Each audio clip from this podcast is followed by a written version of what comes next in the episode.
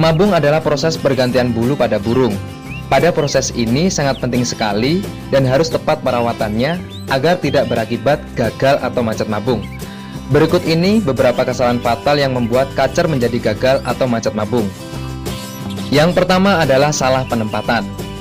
Saat kacer bulunya sudah kusam dan beberapa bulu halus mulai berjatuhan, ini pertanda kacer akan mabung guys.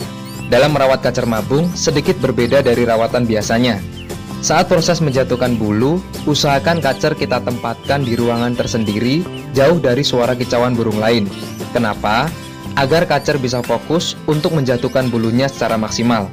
Lalu kapan kita bisa melakukan pemasteran? Pada saat proses tumbuh bulu baru.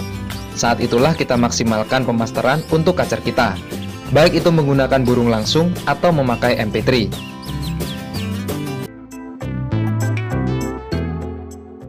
Yang kedua adalah masalah mandi dan jemur.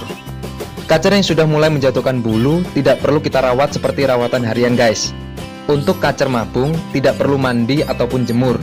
Yang kacer butuhkan adalah ketenangan agar proses menjatuhkan bulu lamanya berhasil.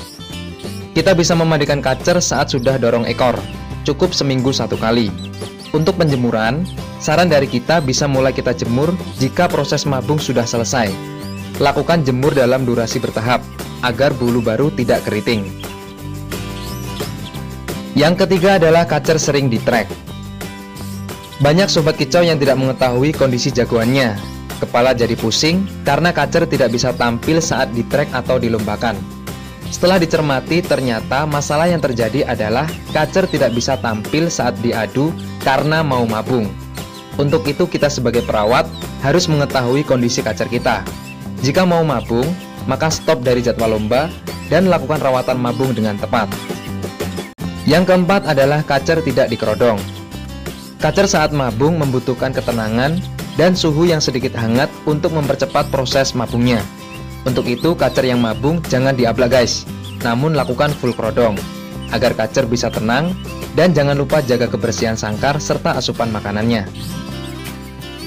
Oke guys, itulah tadi beberapa kesalahan fatal yang membuat kacer kita gagal mabung atau macet mabung.